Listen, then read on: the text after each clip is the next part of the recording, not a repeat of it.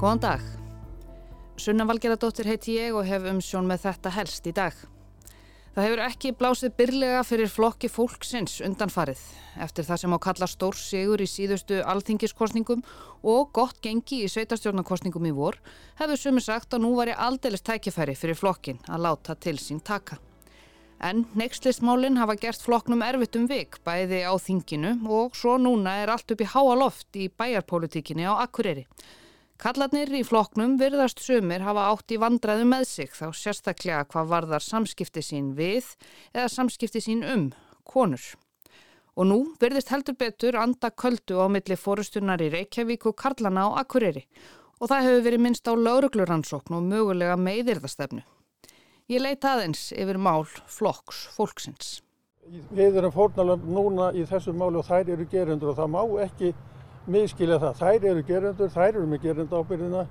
Þær eru alltaf að tala um að skila skömminni í öðrum málum. Nú vil ég skila skömminni bara til þessara gerenda. Við erum fórnalöfn við árásum beinist að okkur. Sagði geðlegnirinn og bæjarfulltrúin Brynjólfur Ingvarsson í vikunni eftir að allt var komið í háa loft á Akureyri.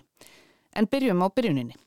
Flokkur fólksins kynir sig sem stjórnmálaafl sem ætlar að útrýma fátækt og berjast gegn spillingu. Öryrkjar, aldraður og fátækir þurfa rött á alþingi. Flokkur fólksins ætlar að útrýma óréttlæti á Íslandi svo allir fái lifað mannsæmandi lífi. Megin markmið er fæði klæði húsnaði fyrir alla. Lífskeiði er ekki enga réttur útvalina. Svo segir í lýsingu flokksins á heimasíðu þeirra. Floknum gekk nokkuð vel í síðustu tveimur kostningum, alþingis og sveitastjórnarkostningum. Þau náðu einn manni í fyrsta sinn í bæjarstjórnina á Akureyri og eiga nú sex þingmenn, jafn marga þingmenn á samfélkingin. Þetta var risa sigur síðasta haust, en það var ekki langt lið á þingstörfin þar til einn þingmaðurinn var komin í klípu. Tómas Tómasson, Tommi á Hamburgerabúlunni, hafði skrifað verulega ósmekleg SMS skilabóð til vinar síns og skjáskoti af þeim var lekið í fjölmiðla. Það var í april núna í vor. Samskiptin virtust vera frá árunnu 2014 þar sem sagði meðal annars Einn dásamleg 26 ára, cirka 45 kíló var að yfirgefa herbergið smokklaust en byrjaði á nuttkoninni fyrir í dag, kvölduð er ungt, 2021. Þá saði Tómas einnig í skilabóðum, læt þig vita þegar ég tek eina fyrir þig. En þegar skilabóðin urðu ofinber þá sagði Tómas þarna í apríl að hann hefði verið ólofaður og ógiftur þegar þetta átti sér stað en hann þver tók fyrir að skilabóðin hafi snúist um kaup á vændi. Inga Sæland, formaður flokksins, lísti óbeitt á orðfari Tómasar þarna en sagði að málið myndi ekki hafa áhrif á setu hans í þingfloknum. Og við sjáum að, að, að er í rauninni trúnaða samtal sem er búið að fara hér eins og eldur um akkur um samfélagið. Um, leið og við lýsum algjör óbeitt á þessu orðfari þá og segjum við bara einfallega þetta að okkur kemur enga vegi við á nokkrum tímapunkti með hvernig Tómas að Tómasson kallaði Tommi Sengar. En þetta var í vor og nú er komið haust. Í millitíðinni voru sveitarstjórnarkostningar. Brynjólfur Ingvarsson geðalagnir sem við heyrðum hér í byrjun skipaði fyrsta sæti hjá flokknum í frambóðinu á Akureyri og hefur hann setið þar sem bæjarfulltrúi síðan í mæ. Sum sé þetta er ekkit rosalega langur tími, sérstaklega ekki ef maður tekur sumarið með í reikningin. En núnum daginn, þriðu daginn 13. september, tóku fréttir að berast úr herbúðum flokks fólksins á Akureyri um að þar væri eitthvað ósætti. Ósætti er endar kannski ekki alveg nógu stert orð til þess að lýsa því sem virtist hafa verið í gangi þar að minnstakosti samkvæmt konunum í flokknum. Það byrja að taka fram að það eru ekki öll sammála um málavöxtu en það verður rakið betur hér á eftir. Sumsi, á morgni þriðjudagsins 13. skrifaði Guðmundur Ingi Kristinsson varaformaður flokksins færslu á Facebook sem vatt þessu öllu saman af stað. Þar stóð að hann myndi óska fundar í stjórn flokksins til þess að ræða ásakanir um að konur sem starfa með flokki fólksins á Akureyri hafi mátt sæta ótrúlega neyðrandi og fyrirlitlegri framkomum af hálfu ákveðina trúnaðarmanna flokksins síðustu daga. Guðmundur Ingi skrifar, mér þykir afar dapurt að ég skulle finna mig knúin til þess að setjast niður og senda frá mér slík skilabóð. En gatt þó ekki annað eins og mál höfðu þróast í fórustu flokksins á Akureyri. Honum hafi ítrekka borist til erðna fregnir af slemri framkomi í garð kvenn leðtoga og sjálfbóðaliða flokksins í bænum þar sem að tala sé um að sífælt og stöðugt andlegt ofbeldi í þessi stað, hótanir og jafnvel kynferðisleg áreiti. Það er það sem kvenn leðtogar flokksins á Akureyri hafi mátt þóla. Inga Sæland flokksformaður byrti svo fæslu um hátegispil þar sem hún saðist hafa kallt til fundar og væri harmislegin yfir málinu. Svo hjælt hún fund og kom í viðtal í fréttonum til Kristínar Sigurðardóttur. Er bara vera að væga sætt ömurlegt að þurfa að, að, að standa í þessari stöðu. Verður þessu mönnum vísað úr flokknum?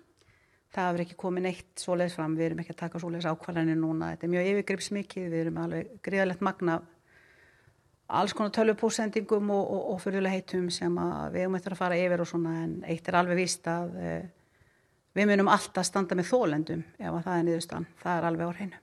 Konurnar sem umræðir hér eru þrjár. Það er Málfríður Þórðardóttir, Tinna Guðmundsdóttir og Hannesína Skeving. Þær skipiðu annað, fjórða og fymta sætið á frambóðslistanum á Akureyri í vor. Brynjólfur og Jón Hjaldarsson voru í fyrsta og þriðja sæti. Konurnar sendu frá sér sameinlega yfirlýsingu eftir skrif Guðmundar Inga á Facebook þar sem þær sögðust sífælt hafa verið lítilsvirtar og hundsaðar á trúnaðarfundum flokksins, sagðar of vittlösar eða jafnvel geðveikar. Sumar okkar máttu sæta kynferðislegu áreiti og virkilega óviðegandi framkomu til viðbútar við að vera ekki starfinu vaksnar og sagðar geðveikar. Á fundi á heimilu Otvitans Brynjólfs sögðu konurnar að þeim hafi mætt andúð og kuldi sem hafi endað með því að einn hafi yfirgefið fundin grátandi. Þá hafi Otvitin dreyið fram bref sem hann las upp og hótaða byrta. Þetta var bref sem var hlaðið róburði og ránkverslum og hótunum um að við mistum starfslefi okkar sem heilbriði starfsmenn ef við létum ekki að stjórn.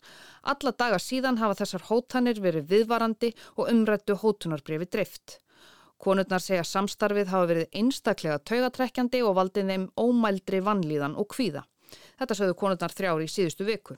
Jón sem skipaði þriðja sætið á listanum saði þann dag í samtal við fréttastofu Rúf að sér hefði brugðið þegar hann sá fæslu Guðmundar Inga um morgunin og saði þetta legaþvættingi í honum. Hann viðurkyndi þó að ákveðið ósætti hefði verið innan fórustu flokksins í bænum. Jón saðist alltaf að leytast eftir frekari skýringum, hann kom algjörlega að fjöllum. Við ætlum að fara fram á lögurgluransón á ásökun. Við viljum fá að vita um hvað ræðir og um hverja ræðir. Því það kemur í raunin ekki framþótt að megin náttúrulega að lesa milli lína að það eru ja, kallpungarnir á listanum sem eru þarna brjóta af sér.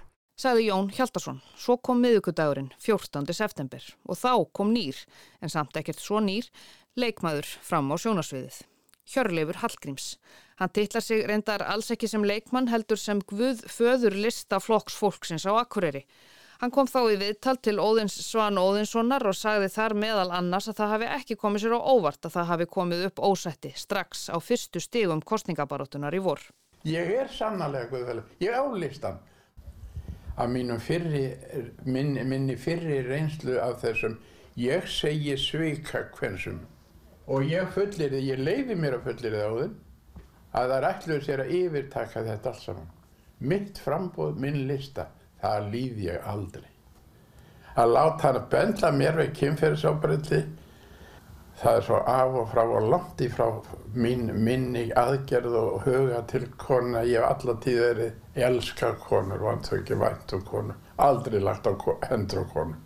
Að í gamla daga klappaði maður kannski stelp á rassin á þess að maður væri sakarinn kynfyrirsóbeldi það væri, hefði aldrei skeið svoleiðis með mig og, og gagvar þeim, ég hefði aldrei snert þar einu sinni. Og hana nú? Flokksfóristan í Reykjavík bóðaði þarna heimsókn orðu til akkurirar til þess að reyna að setla málinn helgina þarna á eftir. Ekkert varð af þeirri heimsókn. Laugardaginn 17. september sagði Jón í viðtali við Rúf að hann var í ósáttur við þetta og sagði að í stað þess að hafa komið norður eins og hafi verið lofað þá bóðaði Inga þá félaga söður með örskömmum fyrirvara. Því bóði hafi hann hafnað. Hann sagðist hafa komist að þeirri niðurstöðu að það væri ekki ræðandi við þetta fólk fyrir að það hefði dreyið tilbaka allar ásakanir á hendur honum og Brynjólfi ofinberlega og beðist afsökunar. En þarna á lögadeginum hafði ekkert slíkt borist. Dæin eftir, sunnudaginn 18. september, kom svo önnur frétt. Í þetta sinn var Guðmundur Ingi varaformaður til viðtals. Hann sagði engar ákvarðanir hafi verið teknar á stjórnarfundunum þarna í Reykjavík sem fór fram dægin áður. Það þurfti samkvæmt Guðmundur Inga meðal annars að fara yfir rosalega marga tölvupósta til að komast til bots í málinu. 250 stykki um það byll. Guðmundur Ingi saði þarna ekki tímabært að svara kröfu Jóns um afsökunarbeðni en nú sé ljóst að ásakanir um kynferðslega áreitni hafi kvorki átt við um Jón nýja Brynjólf, oddvita á Akureyri. Afsökunarbeðni til Jóns og Brynjóls var þó ekki slegin út af borðinu. Þetta var sem sé sunnudagurinn síðasti. Og svo rann upp annar mánudagur, mánudagurinn síðastliðin 19. september. Og þá stegu konurnar þrjár sem Hjörleifur hafði kallað sveikakvendi í viðtalinu í síðustu viku fram. Þar heldur bladamannafund. Þar ítrekkuðu þær hvernig samskiptin við Karl fórustu flokksins á Akureyri hafi valdið þeim gríðarlegri vanlíðan. Fundurinn var haldinn til þess að þær gætu farið yfir sína hlið málsins vegna mikillar umfjöllunar í fjölmjölum. Jón og Brynjólfur hafðu þá um morgunin sendt frá sér sameiginlega yfirlýsingu sem þeir byrtu á vísi þar sem þeir segja fullirðingar hvennan að vera legar. Það er Málfríður Tinna og Hannesína lístu á fundunum samskiptum sínum við Brynjólf, Jón og Hjörleif. Þær sögðu Hjörleif ítrekkað hafa sært bliðunarkent sína. Við vorum í kostningabaróttu saman en það fór fljótlega að vera óþægilegt þar sem hann bað mig að koma til sín eftir kvöldmat svo við getum verið tvö einn eina kvöldstund. Mér leiði illa með þetta og fór undan í flæmingi og upplýsti hann mig um það að hann hafi aldrei lagt hendur á konur nema í rúminu og ég ætti að koma sem oftast í heimsókn. Hjörleifur hefur neitað ásökunum kvennana. Í samtala við fréttastof í dag sagðist hann hafa sagt þessi orð en haft þau í flimtingum. Konurnar saka Hjörleif um kynferðslega áreitni en ekki Jón og Brynjólf. Þeir hafa hins vegar talað niður til þeirra, hunsað þær og ekki haft þar með í ráðum.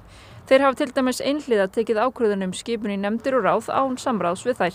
Okkur finnst einni ástæð til að taka það fram að við höfum orðið fyrir gríðalegu áreiti frá sem eru nú orðnir yfir 250 talsins frá því vor. Kvíðin fyrir því að opna tölupóst á mótnana í einu orði sagt er yfir þyrmandi. Málfríður segir að drópin sem fylgti mælinn hafi verið fundur fóristu flokksins á Akureyri um miðjan septembers. Eftir stuttastund þá yfirgaf ég fundin grátandi. Þar sem ég treysti mér ekki til að sitja undir öskrum Jón Hjaldarssonar þar sem hann var einnig farin að skeita skapi sínum á húsgóknum sem fyrir lágu. Konurnar sögðust hafa þurft að sitja undir hótunum, verið kallaðar öllum íllum nöfnum eins og eineltissekkir, skitturnar þrjár, mannorðsmorðingjar, íllræmdir legarar, svo eitthvað sé nefnt. Samstarfið við mennina hafi valdið þeim andvökum, kvíða og gríðarlegri vanlíðan. Tilfinningin bara hann var langar bara að loka sig inn í eitthvað neginn, þetta er eitthvað neginn orðið bara virkilega vanlíðan í kringum þetta virkilega leiðilega vanlega. En hann Hjörleifur tók þessu ekki þegjandi. Strax um kvöldið byrt hann stóra og mikla grein á vefmiðlinum akureyri.net fyrirsögnin mjög alvarlegar ásakanir á mig. Hlýðum nú á nokkur brot úr þeirri grein. Það er stórt orð hákott, var sagt, en miklu verra er að vera sakaður um kynferðislega áreitni og ymsan annan óþverra og eiga karlmenn eðlilega erfitt með að þvó slíkan óþverra af sér Sér í lagi þar sem ég hef aldrei á langri æfi verið sakaður um slíkt fyrir nú af svika kvendunum þremur. Sorgar umfjöllun sem er að stórum hluta líi og óhróður hefur verið í gangi í fjölmiðlum nú um hríð og hefur aðalega beinst gegn tveimur heiðusmönnum, þeim Jóni Hjaltasinni og Brynjólfi Yngvarsinni, fyrsta og þriðja manni á frambóðslista flokks fólksins og í þriðalagi mér undirrituðum eins og fyrr segir. Það eru upplaups manneskjur og svika kvensur sem eiga hér hlutað máli. Stundum heimsækja mig konur án hræðslumerkja en það fer vel á með okkur og þær verða ekki varar við kynlífstilburði af minni hálfu. Í 65 ár hefur verið með í kostningabaróttu og komið það líklega 16 til 17 sveitar og alþengiskostningum en aldrei á langri æfi orði vittni að því líkri svik semi. Ég vil líka geta þess að svikakvendin útilokkuðu mig frá fundasettu hjá frambóðinu og sögðust ekki mæta ef ég mætti sjálfur Guð fadir frambóðsins. Að lokum þetta, ég er alvarlega að hugsaðum að stefna þessum svikakvensum fyrir meiðirði og það sem meira er kynferðis ofbeldi sem engin karlmaður reynsar svo öðulega af sér og eftirvill læti þau einnig vera með í stefnunni þau Ingu Sæland og Guðmund Inga sem hafa tekið diggilega undir ósóman. Takk fyrir mig, Hjörleifur Hallgríms, Guðfaðir frambóðslista flokksfólksins á Akureyri. Þetta var brotúr grein Hjörleifs á akureyri.net sem byrtist á þriðudags kvöld. Dæin eftir, núna bara á miðugudaginn, stegu karlarnir á listanum fram og svörðu fyrir sig, þeir Jón og Brynjólfur. Langt viðtal við þá er byrt á vefrúf og hófst þátturinn einmitt á ummælum þeirra úr því viðtali. Gefum þeim aðeins orðið á ný. Aðaláttökjum byrja fyrir viku á þriðju degi með yfirlýsingu sem byggist nú meira og minna á tilbúningi og uppspuna og Jón sagði þann dag að þetta væri líka þvættingur. Næsta dag var ég spurður og sagði að þetta væri svæsnasta personu áráls í allir sögunni. Já, fyrir tæmri viku síðan þá, þá, þá er það varaformaður flokksinn sem stígur fram, greinir frá þessu á samfélagsmiðlum. Hvað finnst þér fyrstur um það? Já, hann tók fram stóra hamarinn og, og taldi okkur vera ofbeldismenn á allan hátt nema hvað hann, hann glemdi að sakka okkur um nöðgun en allt annað var hann inni held í hjá honum. Þannig að, að þetta var ansi, ansi gróft hjá manninum og ég trúi því ekki að hann hafi gert þetta á eigin spítur án þess að tala um það við formannin. Síðan segja Brynjólfur og Jón að þeir hafi búið þannig um hnútana að Hjörleifur hafi hætt að mæta á fundi eftir að konurnar kvörtuðu undan honum. Hjörleifur var leiðinlega við þar í byrjun og hann hefur sjálfur viðkjönd á sagt frá því í blöðum að hann, ég segi ekki klæmdist en hann talaði svona glannalega. Er þetta ekki meirinn að tala glannalega að tala svona eins og hann hefur sagt? Að segja að hann snert ekki, veitum við, ég legg ekki hendur á konurnum í rúminu. En þetta var sko bara til Er það ekki meira en að tala glannalega? Ég sérðu þær tóku þetta sjálfar bara sem grín og við hlófum alltaf þessu. Hannesína sagði frá því hvað hann hefði sagt við hana og hún gerði það ekki með tárin í augunum. Hún gerði það hlæjandi og gerði grína þessu. Tinna sagði sama og leti eins þegar hún var að segja frá þannig að það kvarlaði aldrei að mér að þær væru beigðar og brotnar út á kynferðslegu áriti ef það hefði verið. Þá hefði náttúrulega verið, verið allt annað viðmót. En þær þetta sem brandara og þess vegna litu við á þetta sem brandara líka bara hlóðu með þeim. Þannig voru það, það ekki mistöka eitthvað hálfu? Nei, þetta var bara gert í gríni. Það voru allir að grínast. Já, já. Og það er greinilegt að það er ekki hlýtt á milli Akureyrar og Reykjavíkur deildana í flokki fólksins eins og er. Að minnstakosti ekki séð frá bæjardyrum Karlana. Og ekkert þeirra hefur haft samband norður en haft í sér smekk til þess að bóða með einhverjum hætti til bladamannhundar þessara þryggja og, og hafa þær í sínum húsum. Þannig að það sýnir mjög glögt hver þeirra afstæða er til okkar. Hvað með næstu skrif? Ætlið að segja ykkur úr flokki fólksins? Nei. Við ætlum að halda áfram í bæðastöndin eins og ekkert að við skorist. Sem fulltrúar flokks fólksins? Já. Við eftir að ræða þetta. það þarf eitthvað mikið að koma til svo að ég starfi áfram fyrir flokk fólksins í nafni hans. En hins vegar er allag að náða okkur gerð í þeim tilgangi að koma okkur frá þannig að það geti tekið við. Og þá stend ég frammi fyrir þessari spurningu á ég að láta þetta eftir konunum sögðu Jón Hjaltarsson og Brynjólfur Ingvarsson við Óðinn Svann á Akureyri. En leifum þessum vangaveltum um framtíð þeirra í flokki fólksins að vera loka orðin í þetta helst í dag. Takk fyrir að leggja við hlustir og við heyrumst aftur á morgun.